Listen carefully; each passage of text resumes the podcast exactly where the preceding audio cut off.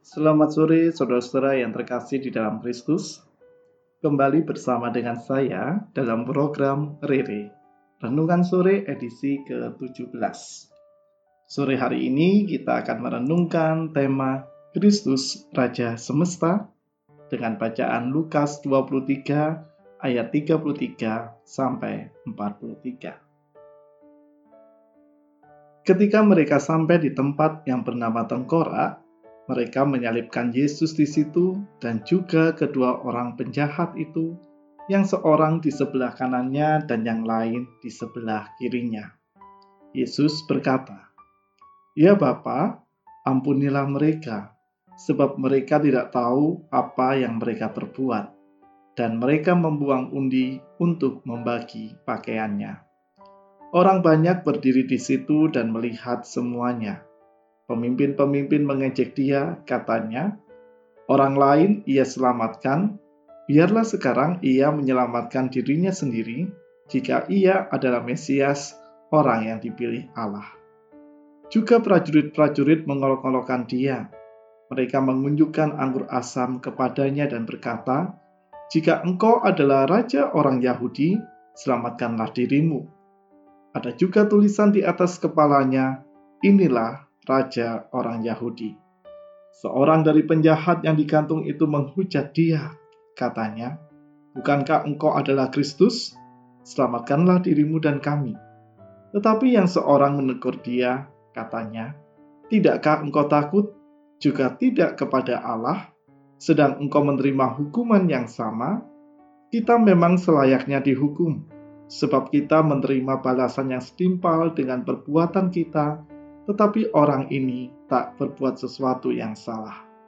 Lalu ia berkata, "Yesus, ingatlah akan aku apabila engkau datang sebagai raja." Kata Yesus kepadanya, "Aku berkata kepadamu, sesungguhnya hari ini juga engkau akan ada bersama-sama dengan aku di dalam Firdaus." Saudara-saudara yang terkasih di dalam Kristus, Menjelang Minggu Advent, kita biasanya merayakan Minggu Kristus Raja. Apa makna Minggu Kristus Raja dalam perjalanan liturgi kita? Pernyataan atau proklamasi iman bahwa Kristus adalah Raja merupakan refleksi iman umat percaya akan kemahakuasaan Kristus sebagai Raja dalam kehidupan umat dan semesta. Di sisi lain, Refleksi yang muncul adalah jalinan relasi umat dengan Kristus dari setiap pengalaman kehidupan maupun perjumpaan-perjumpaan umat dengan Kristus dalam keseharian. Saudara-saudara, narasi penyaliban Kristus yang dikisahkan dalam bacaan kita hari ini memiliki dua sisi pengakuan sebagai raja yang bertolak belakang. Pertama, olok-olokan kepada Kristus menjadikannya raja pesakitan hingga olokan inilah raja orang Yahudi ditolak oleh para pemimpin Yahudi karena mereka tidak ingin raja yang lemah. Dari sisi manusia, apa yang dialami Kristus tersebut bukan sebuah sikap penghormatan yang pantas diterima oleh seorang raja. Justru lebih sebagai penghinaan besar yang menjatuhkan harga diri seorang raja. Namun, Memang bukan ini yang ditekankan oleh penulis Injil Lukas. Lukas 23 ayat 42, Yesus, ingatlah akan aku apabila engkau datang sebagai Raja, merupakan proklamasi iman yang muncul dari salah satu penjahat yang disalib bersama Kristus.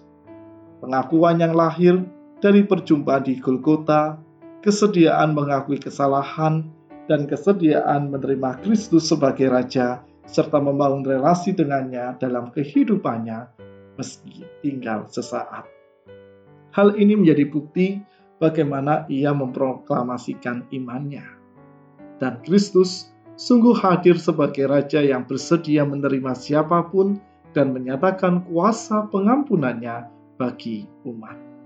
Saudara-saudara, proklamasi iman Kristus Raja adalah sikap iman kita atas kemahakuasaan Kristus dalam hidup sehari-hari, baik yang spektakuler, bahkan dalam hal yang sederhana sekalipun.